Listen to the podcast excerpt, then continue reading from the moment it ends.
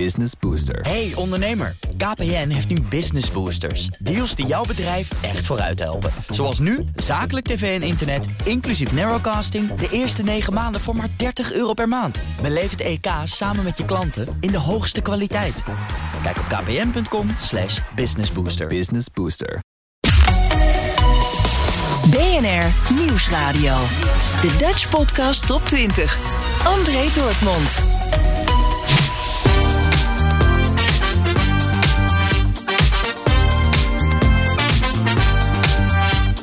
Wat gaaf dat je deze lijst gevonden hebt. Welkom, dit is aflevering 34 van de eerste jaargang. Dit zijn ze dan weer, de 20 best beluisterde podcasts in Nederland van de afgelopen week. En de lijst is samengesteld door middel van de luisterdata van BNN Nieuwsradio, Spotify en Apple Podcast. Dit is de Dutch Podcast Top 20 van 27 augustus 2021. Met straks de tip van de redactie, de politiepodcast. Verder nog de moordkast, de Italië-podcast en wie staat er deze week op nummer 1. We beginnen natuurlijk bij nummer 20. Moordzaken. Carrie en Eddie bespreken op een toegankelijke manier spraakmakende moordzaken. Wie denk jij dat het gedaan heeft?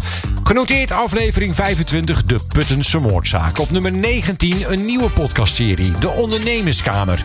Het bedrijfsleven voelt zich steeds minder vertegenwoordigd in de nationale politiek. Zo ook topondernemer Eduard Schaapman. In deze podcastserie zoekt hij uit welke politieke partijen nog echt in de bres springen voor ondernemer Nederland. Nummer 18. En dat is een oude tip van de redactie. De Italië-podcast. Donatella Piras, een in Nederland geboren Italiaan en presentator van BNR's in de middag. En Eveline Redmeijer, journalist en oud-Italië-correspondent. Zij gaan op zoek naar de ziel van Italië. Wat maakt dit verscheurde land voor zoveel zo onbestaanbaar? Dit is een fragment uit aflevering 49. Maar eerst het nieuws. Donatello, wat is deze week jouw nieuws vanuit Italië? Lastig rond Ferragosto, want het hele land ligt op zijn gat. Maar Zeker. er is toch wel iets gebeurd. Ja, nou ja, ik weet niet meteen in Italië niet, maar Ursula von der Leyen, eh, ons, eh, eh, ons aller eh, voorzitter van de EU-commissie, eh, die twitterde eh, afgelopen week, dat was volgens mij maandag, over eh, de Next Generation EU en eigenlijk over Italia Domani. Ja, en dat is het, eh, het eh, ja, als ik het vrij vertaal in het Nederlands, het Nationaal Herstel en Veerkrachtplan van Italië, waar heel veel geld in gaat zitten.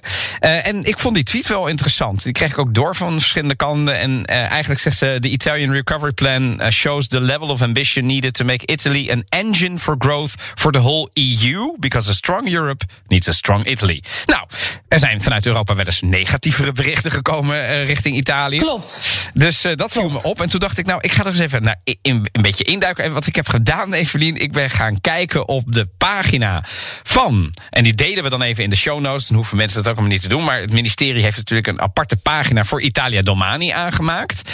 Waarin je in het Italiaans en, heer, heer, in het Engels gewoon kunt volgen. Wat gebeurt er nou met die honderden miljarden die straks, weliswaar vaak als leningen, naar Italië gaan? En wat doen ze ermee? En eigenlijk Ik grof. vind het trouwens wel revolutionair ook wat jij zegt dat het in het Engels staat. Dat bedoel ik. Dat het dus ook voor niet-Italianen, de Italiaans eh, sprekende en lezende te volgen is. Ja, bijvoorbeeld voor de luisteraars van de Italië-podcast... die bijvoorbeeld geïnteresseerd in Italië... maar wel willen weten van, maar wat doet Italië er nu mee? Nou, er zijn er zes dingen, dan mag jij er straks één uitkiezen... waar ik dan één of twee voorbeelden van noem van wat ze ermee doen. Er zijn zes dingen. Eén, de groene revolutie en ecologische transitie. Twee, ze gaan het investeren in infrastructuur voor duurzame mobility. Drie, onderwijs en onderzoek. Vier, inclusie en cohesie. Ja, zo heet dat onderwerp. Vijf is de gezondheidszorg. En tot slot digitalisering, innovatie en concurrentievermogen. Op nummer 18 in de Dutch Podcast Top 20, de Italië-podcast van Donatella Piras en Eveline Redmeijer. Dan op nummer 17, de enige Engelstalige podcast in de lijst, de Joe Rogan Experience. De gast in aflevering 1700, comedian Eleanor Kerrigan. Nummer 16. Terug van weg geweest. De technoloog van Herbert Blankenstein en Ben van den Burg. In de aflevering van 24 augustus gaat het over opslag. Een van de grootste uitdagingen voor de energietransitie. Wordt het nou die, de energieopslag, gaat dat nu eh, centraal gebeuren of decentraal gebeuren? Dus heb ik het, sla ik het thuis met een, misschien de, de Tesla-batterij, die we natuurlijk weer niet hebben. Ga ik het thuis lokaal doen en eh, zij hebben hele grote opslag, energieopslag in, wat, in Rotterdam. Weet je, gaat dat lokaal? Of zijn er centrale plekken in de wereld waar gewoon de energieopslag is. En daar gaat het naartoe naar alle huishoudens. Wat zie jij voor Als, je, als, die, als die waterstoftoekomst eh, reëel wordt, hè, waar, waar Europa nu eh, aan werkt, zeg maar, hè, met een heel groot waterstofnetwerk in eh, Europa, Mhm. overal eh, waterstofproductie uit, duurzame energie, misschien zelfs aardgas en CO2 afvangen. Dan is het dus centraal. Dat is centraal. Ja. Supergroot, ondergronds. En, en, en bijvoorbeeld bij die importterminals. Dus havens, havens en centraal Ja, ondergronds. dan is het centraal. Bij, bij volume bij far. Maar qua aantallen gaan die, al die hele kleine batterijen, ook bij huishoudenniveau, gaan wel heel erg meehelpen om dat, om dat korte termijn signaal maar, te zeggen. dempen. Hier geldt natuurlijk ook dat je alles nodig hebt. Ja, Je wilt ook bij je huishouden wil je iets hebben om het teveel aan zonne-energie eventjes op te slaan, zodat het niet er net in hoeft, bijvoorbeeld. Hè? Ja. Dat is een probleem, zoals je net al zegt. ja. Ja. Eh, Ja, dus je wilt het hebben waar die windmolen soms te veel produceert, of die zonne-energiecentrale, maar je wilt het ook hebben thuis, Ja. waar je een teveel of een tekort kunt hebben op een bepaald moment. En ik, ik dacht eerst, zeg maar, vorig jaar eigenlijk nog, dat gaat niet zo snel vliegen. Zeg maar, die thuisbatterijen. Mhm. Maar ik, nu dat, dat, eh, dat eh, regionale net. En je ziet toch ook wel dat mensen een ander soort bereidheid hebben om te betalen voor zelfvoorzienigheid. Dat ze dat eerder zullen doen. En eh, er zit ook een verschil in die, als je zeg maar geen geld meer krijgt voor je eigen zonnestroom. En je moet dat van het net kopen voor 20 cent. BNR Nieuwsradio. Op nummer 16 Herbert Blankenstein en Ben van den Burg in De Technoloog. Dan op nummer 15 Geuze en Gorgels. Twee maatjes in één podcast. Genoteerd de aflevering van gisteren. Geldwolven. Nummer 14. De dagelijkse podcast van het NRC. NRC Vandaag. Misha Malita in de aflevering van gisteren. De Amerikaanse database die Afghanen in gevaar brengt. Het is mei 2016. In de buurt van de stad Kunduz in het noorden van Afghanistan werd daar een busconvooi gestopt bij een checkpoint. Gewapende mannen komen de bus in. Het waren Taliban-strijders en ze hadden niet alleen geweren bij zich, maar ook een mysterieus apparaat. Dat apparaat dat ze bij zich hadden, dat gebruikten ze om de vingerafdrukken te controleren van alle passagiers. En ze waren daarbij duidelijk op zoek naar medewerkers van veiligheidsdiensten. Uiteindelijk zijn twaalf mensen toen geëxecuteerd. Nou, dit incident is vijf jaar geleden, maar het is op dit moment helaas weer pijnlijk actueel. Wieland, wat is hier precies gebeurd? Wat was dit voor apparaat op basis waarvan deze twaalf mensen uit die bus werden gehaald? Ja, helemaal duidelijk is dat niet, maar het lijkt er heel erg op dat het hier ging om een zogenaamde HIDE. En dat is een Handheld Interagency Identity Detection Equipment. En dat ziet eruit als een soort, uh, op het eerste gezicht eigenlijk als een soort ouderwetse Polaroid-camera. Het is een uh, draagbaar apparaat waarmee je iris-scans, uh, gezichtscans en vingerafdrukken kunt afnemen en controleren tegen een database. En de Amerikanen hebben die apparaten op zeer grote schaal in Afghanistan en in Irak en ook op andere plekken in de wereld ge gebruikt. In, bij allerlei militaire en ook civiele missies. Sterker nog, een Amerikaanse onderzoeksjournaliste die uh, Annie Jacobson heet, heeft uh, een boek geschreven dat hierover gaat. En uh, zij beschrijft daarin dat de Amerikanen zich ten doel hadden gesteld om van 80% van de Afghaanse bevolking biometrische gegevens te verzamelen. Dutch Podcast Top 20. Op nummer 14 vonden we NRC vandaag van het NRC. Nummer 13, Sophie van Leeuwen, Mark Beekhuis en Thomas van Groningen in de podcast Newsroom Den Haag. De genoteerde aflevering heet Een schaamlab voor Mark Rutte. Nummer 12. En daar staat Moderne Liefde van Corine Kolen. In deze podcast interview ik telkens iemand die vertelt over zijn of haar persoonlijke zoektocht naar liefde of vriendschap. Deze week You. Omdat het zo iets abstract is en zo plotseling dat ik het soms gewoon nog steeds niet begrijp. En dan denk ik, ja, maar dood. Dood, dood is iemand die of oud geweest of ziek of die is ja, in een ongeluk geplet. Uh, daar is in ieder geval iets mee aan de hand geweest. De krachten van buitenaf of iets van binnenuit. En niet iemand die gewoon ineens er niet meer is. Dat is iets heel geks. Kun je me even vertellen wat er twee jaar geleden gebeurde? Ja, het was een hele, hele gewone weekend eigenlijk. Mijn vriend was uh, voor de tweede dag eigenlijk op rij naar uh, een oriënteringsloop. En dat zijn eigenlijk dus een soort hardloopwedstrijden waar je op onbegaanbaar terrein je eigen route moet uitzoeken. Dus je loopt alleen, zonder telefoon of andere GPS-achtige dingen. En je, ja, je, je zoekt eigenlijk je eigen route en je moet zo snel mogelijk eh, weer binnen zijn. En ik had eigenlijk besloten om die dag gewoon voor mezelf te houden. Hij had die dag nog gevraagd daarvoor, wat ga je eigenlijk doen? En toen dacht ik, nou, misschien gewoon even met niemand iets afspreken. Gewoon even een keer een dag voor mezelf. Komt bij mij vaak, niet zo vaak voor. Toen eh, fietste ik naar uh, Amelisweert, een natuur, uh, een bos bij Utrecht in de buurt. Omdat het zo mooi herfstweer was, dat ik dan dacht, nou, ik ga daar toch nog heel even heen. En nog even een boek lezen in de zon. En ik had voor het eerst sinds heel lang in mijn eentje op een terras uh, gewoon een koffietje besteld. Dat ik dacht, ja, even de schaamte voorbij dat ik hier in mijn eentje ga zitten. Ik ga dit gewoon doen, want we hadden een soort deal van je moet dus wat vaker in je eentjes gaan doen. Dus toen dacht ik, nou, ik had hem een foto gestuurd van uh, kijk, ik zit hier, koffie en taart erbij in mijn eentje op het terras. En toen las ik een appje van zijn vader, je moet... Uh, bel ons onmiddellijk, verschrikkelijk nieuws. En toen dacht ik, ik wil geloof ik helemaal niet bellen. BNR Nieuwsradio. André Dortmund. En je luistert naar de Dutch Podcast op 20, de editie van 27 augustus 2021. Net op nummer 12 hoorden we Moderne Liefde van Corine Kolen.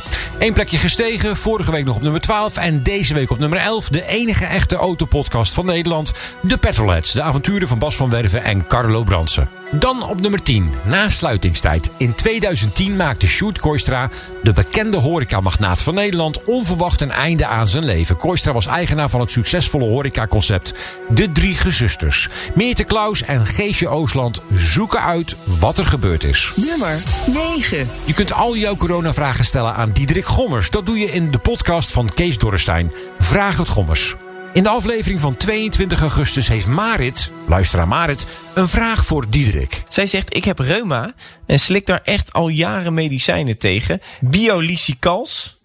Biolicicals. Biologicals. Biologicals. Ja, zo kan je het ook noemen. Ja. Ja, ik Nederlands alles. ja, dat blijkt maar weer. Uh, biologicals. Ik heb uh, twee keer een vaccinatie gehad. En hoorde dat de vaccins eigenlijk slechter werken als je die reuma-medicijnen slikt. Moet ik nu extra oppassen?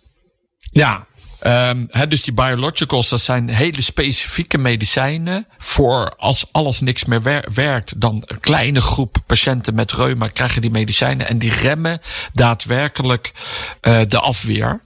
Um, maar wat wel belangrijk is, die medicijnen interfereren niet met, met het vaccin. Dus he, er is geen um, wisselwerking met het vaccin. Dus je kunt het vaccin goed nemen. Alleen de is het niet helemaal duidelijk of je opbrengst, dus die antistoffen opbrengst, of die hetzelfde is als bij gezonde mensen. En dat is dus, dus je, je moet, hè, dus de reuma um, uh, afdeling, uh, of weet het, de stichting uh, Reuma Nederland, die zegt ook, je moet het vaccin nemen, uh, maar je moet wel blijven oppassen. Want mogelijk is de opbrengst van je afweer, dus je antistoffen, minder dan bij gezonde mensen. Maar dat kan ook weer verschillend zijn voor dus, mensen. Ja, maar wat moet je, moet je dan doen in haar geval? Een antistoffen testen of zoiets? Of even langs bij de bloedbank om te kijken of ze het kunnen testen? Of? Nou ja, dat zou je kunnen doen als je zeg maar hè, een tijd na de tweede prik... dat je het eventueel laat testen. Op nummer 9 in de Dutch Podcast op 20. Vraag het Gommers. En als je ook een vraag hebt voor Diederik... kijk dan even in de show notes van de podcast... voor de contactgegevens van Kees Dorrestein. Op nummer 8. Nieuwsroom. De dagelijkse podcast van het FD en BNR... vanaf en door de beide redacties. De presentatie is in handen van Mark Beekhuis. De genoteerde aflevering heet... Minder bouwvergunning aanvragen van marktpartijen in Amsterdam. Op nummer 7, Broers van Sam en Rijk. Deze twee broers bespreken alles, bijvoorbeeld vriendschap, seks en alles wat je maar kunt bedenken als je een puber bent. Dutch Podcast Top 20. De tip van de redactie. De Politiepodcast. Het podcastkanaal van Politie Nederland. Luister naar agenten en rechercheurs in actie. En luister naar hun persoonlijke verhalen. Wij gaan luisteren naar een fragment uit de aflevering Als het niet stopt. Stalking. Aflevering 1. De meeste mensen zijn wel eens verliefd geweest. Het startpunt is altijd hele heftige emoties. Frustraties of verlangens. En die hebben we allemaal in ons leven. Het is een leuk maar lastig spel. Wat wil jij? Wat wil de ander? Dit is Bianca Voerman. Ze is recherchepsycholoog en gespecialiseerd in stalking. Die start van stalkinggedrag, dan zien we eigenlijk gewoon heel normaal gedrag. Als je een heel heftig verlangen hebt, dat je daar contact overlegt met een ander. Maar als die ander daar niet van gediend is, wil je dat het stopt. En daar is een grens te trekken bij twee weken. Stopt het lastigvallen niet binnen twee weken, dan vindt recherchepsycholoog Bianca het stalking. Het gaat om een patroon van overlast. Uh, waarbij uh, een ander contact met je probeert te leggen. Terwijl jij daar niet op zit te wachten en misschien ook wel bang van wordt. Eigenlijk zijn twee incidenten waarbij je dat ziet als overlast en bang wordt, is al voldoende om te spreken van stalking. Dat is misschien nog geen strafbaar gedrag, maar het is wel beginnend probleemgedrag. Ik ben Hajo Magree en dit is aflevering 1 van Als het niet stopt. Een drieluik van de politiepodcast over stalking. Heb jij te maken met stalking? In de tekst bij deze aflevering in je podcast-app vind je tips waar je direct wat mee kan. En diezelfde tips hoor je ook aan het eind van deze aflevering. Uh, nou ja, ik was uh, aan het werk bij de bakker. Dit is Claudia. Naar omstandigheden gaat het nu weer redelijk met haar. Maar een paar jaar geleden ontmoette ze een man die ze achteraf gezien liever nooit was tegengekomen. Uh, hij kwam binnen en bestelde twee broodjes met kaas. Ze is nog elke dag doodsbang voor hem. Ja, dat hij me doodmaakt. De tip van de redactie, een erg interessante podcast. De politiepodcast van Politie Nederland. Heb jij een goede tip? Dat je denkt van nou André, die moet je eens gaan luisteren, want die is echt te gek. Nou, stuur hem gewoon naar me. Stuur hem naar dutchpodcasttop20.bnr.nl. Ga ik hem luisteren en als het een goede podcast is, dan nemen we hem de volgende keer mee. En let op, hè, we doen alleen podcast en geen radio-uitzendingen die zijn voor podcast. Nummer 6 in de lijst. De Amerika-podcast van Bernard Hammelburg en Jan Posma. Hun blik op de USA en hun analyses. Genoteerd het Afghaanse luchtkasteel. Nummer 5. De Moordcast. Dionne Slachter neemt je mee in verschillende mysterieuze moordzaken. Samen met haar broer Henrik als sidekick duiken zij in waargebeurde misdaadverhalen. Dit is de aflevering over Randy Stair. De dodelijke fantasiewereld van een YouTuber. Moordcast nummer 11. Randy Robert Stair wordt geboren op 17 september 1992 en groeit op in Pennsylvania. Zijn ouders zijn Robert en Lorianne. Twee jaar later krijgt hij een broertje genaamd Jeremy.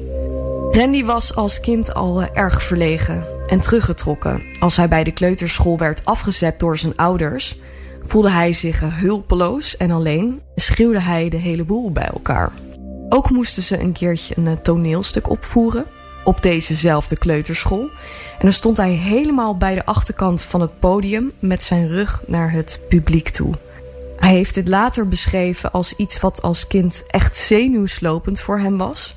Hij distancieerde zich echt van de situatie. Hij ja, zoonde naar zijn eigen zeggen uit op dat moment. Triest joh. Eigenlijk vind ik dat het ook afgeschaft moet worden. Hè? Kinderen die uh, gedwongen worden om op het podium te staan, ook al is het maar een schoolstuk. Niet iedereen is daarvoor weggelegd en zeker een kind. Nee, kijk, je hebt, je hebt, natuurlijk mensen met gezonde spanning. Maar ja, je hebt ook gewoon mensen die gewoon totaal niet sociaal de interactie kunnen vinden. En dat had Randy ja, bij uitstek. Ja, als klein kind was het al heel duidelijk te zien. Ja, en dan vraag ik me ook af waarom je dus zo'n jongen op een podium zet. Ja. Bekijk gewoon, bekijk het per individu. Ja. Want er zijn heel veel kinderen die het wel leuk vinden. Ondanks dat hij een verlegen jongetje was, was het juist wel zijn grote droom om gezien te worden als iemand waar mensen tegenop zouden kijken. Hij had daarbij een grote fascinatie voor tekenfilmfiguren en animatie. Voor Randy waren dit niet zomaar figuren. Hij geloofde echt dat deze wezens echt zouden bestaan. Zijn fantasie en zijn fascinatie hiervoor, het groeide met de jaren. En als kind ziet hij zichzelf ook echt als een cartoonpersonage. BNR Nieuwsradio. André Dortmund. En je luistert naar de Dutch Podcast op 20. Met net op nummer 5 de moordkast van Dionne en Hendrik Slachter. Op nummer 4 de Tachi podcast. Ridwan Tachi is de beruchte hoofdverdachte in de veelvoudige liquidatiezaak Marengo. Paul Vugts, misdaadverslaggever van de Parool, volgt hem al jaren. Op nummer 3, Beter Worden. Een wielrenpodcast over hoe je jezelf wilt verbeteren op de fiets. En die podcast is van Stefan Bolt. Nummer 2. Mark-Marie en Aaf vinden iets. Van Mark-Marie Huibrechts en Aaf Brandkorsjes. Mark Marie is in zijn gezicht geslagen op de Herengracht. En dat bespreken ze in de aflevering van 21 augustus. Die had zich s'avonds al gemeld bij de politie. En, eh, En dat hoorde je pas veel later, toch? Ja, ja, want eerst moest heel het onderzoek eh, worden afgerond en zo. En die had zich huilend op de balie geworpen. En die, was, die had spijt en die vond het verschrikkelijk. En die had zichzelf niet in de hand gehad. En er was dat allemaal redenen. Maar goed, eh, zij had heel veel spijt. En ze vond het verschrikkelijk. En ze, ze, had, ze had zichzelf dus gemeld. En toen, ehm, nou, dat hoorde ik dus. Wat ik ook nog wel een heel goede vond, is dat ze zei: Nee, ik heb, ik heb geen visoom gezegd, ik heb homo lul gezegd. Dus dat is wel een opluchting. Want dat was Want dan... dat is meer dat is, een omschrijving. Ja, dat is gewoon dat objectief. is- ja, dat andere is een waardeoordeel. Dus daar was ik eh, echt wel Ja, mee zo, en ik eh, zei alleen maar dat je dik was. Die kon je in je zak steken. Ja, die kon ik in mijn zak steken, Oh, dankjewel. homo lul. Oh nee, maar dat is prima. Maar, ehm, nee, en verder vond ik haar in, in haar, wat ik van haar hoorde dat ze allemaal gezegd heeft, heel eerlijk. Ze heeft echt, het enige wat ze niet eerlijk heeft gezegd is dat zij zegt, ik, kom uit, ik kwam uit de auto, hij, zij stapt uit de auto. Toen zei ik, zegt zij, trut, en toen heeft ze mij een klap gegeven. Dat is allemaal niet waar. Want ze kwam uit de auto, zij was meteen als een stier. En toen kwam ze meteen op me af. En toen, ik, het enige wat ik heb kunnen zeggen is: doe rustig, doe eens rustig. En toen gaf ze me al een klap. Dus ik zal er later wel terug hebben gezegd, vast. Maar ik heb zeker niet, want nu leek het net, oh ja, dat was dan is nog Ja, onzin. dan is het nog heel raar om nog iemand geen reden om te. Maar Ja. zij deed net zo. Maar voor de rest was ze, is ze wel super eerlijk geweest. Ook dat die man heeft staan te schreeuwen en zo. Dus, eh, en nu is het dan zo van ja, of ik dan een excuusgesprek wil, maar ik wil haar nooit meer zien. Nee. Dutch Podcast Top 20. Op nummer 2, Mark, Marie en Aaf vinden iets. Dan zijn we natuurlijk, zoals elke week, aangekomen bij de nummer 1. Blijven staan deze week. Maarten van Rossum, de podcast. De Tweede Wereldoorlogsserie loopt op zijn eind. Maar waar gaat hij het allemaal hierna over hebben? En daarna doen we de auto's. Ter geruststelling van het damespubliek van de podcast. Zou ik willen zeggen, we gaan het dus niet hebben, dames, godzijdank. Over rokende banden, eh, acceleratietijden.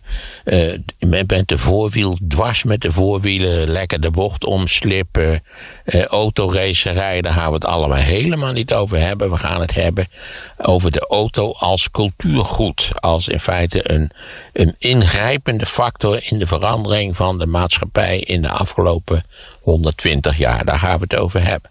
We gaan het ook over echt interessante auto's hebben, zoals de T-Ford, de Volkswagen Kever, de Fiat 500, Lamborghinis, Le Ferraris, allemaal geweldige auto's, maar toch voor jongens die niet helemaal eh, eh, de, volwassenheid bereikt hebben in feite. Eh, het gaat eigenlijk om auto's die de, de massa-automobilisering gestimuleerd hebben. De auto is alleen interessant als iedereen zo'n ding heeft. Wat bij ons grotendeels het geval is. Daar wil ik het vooral over hebben. En dan hadden we nog wat. Ga je dan trouwens ook tot aan Lightyear bijvoorbeeld door? Want dat is natuurlijk nu, eh, de, die maken ook een hele nieuwe manier van, van auto's naar auto's kijken. Hè? Nou ja, we, we, gaan, we gaan natuurlijk door tot en met de elektrische auto. En met een zonnepaneel erop? Ja, dat, maar dat, dat, je moet dan een heel groot zonnepaneel hebben. Wil je daar ook daadwerkelijk mee kunnen rijden? Nou, volgend jaar komt hij hè? 150. Ik was in, in Eindhoven met Carlo van der Weijer, die, die zit daar op de TU. Maar dat is uitgesloten dat die auto dus niet hoeft, geen, geen stroom van buiten hoeft aan te trekken, maar op zijn eigen zonnepaneel kan rijden.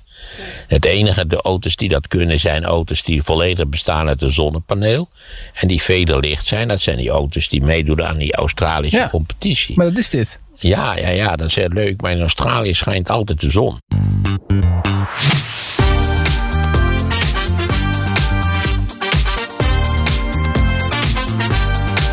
Op nummer 1 in de Dutch Podcast op 20, Maarten van Rossum, de podcast. Dit was hem.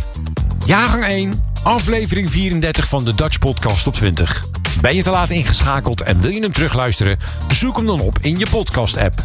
En een luistertip voor jou is altijd welkom. Welke podcast moeten we echt eens gaan beluisteren? En als het een gave tip is, laat ik hem horen aan de rest van Nederland. Stuur je tip op naar dutchpodcastop20.bnr.nl De lijst is een geheel vind je op dutchpodcastop20.nl En volgende week weer een hele verse lijst. Tot dan! Business Booster. Hey ondernemer, KPN heeft nu Business Boosters. Deals die jouw bedrijf echt vooruit helpen. Zoals nu, zakelijk tv en internet, inclusief narrowcasting... de eerste 9 maanden voor maar 30 euro per maand. Beleef het EK samen met je klanten in de hoogste kwaliteit. Kijk op kpn.com slash businessbooster. Business Booster.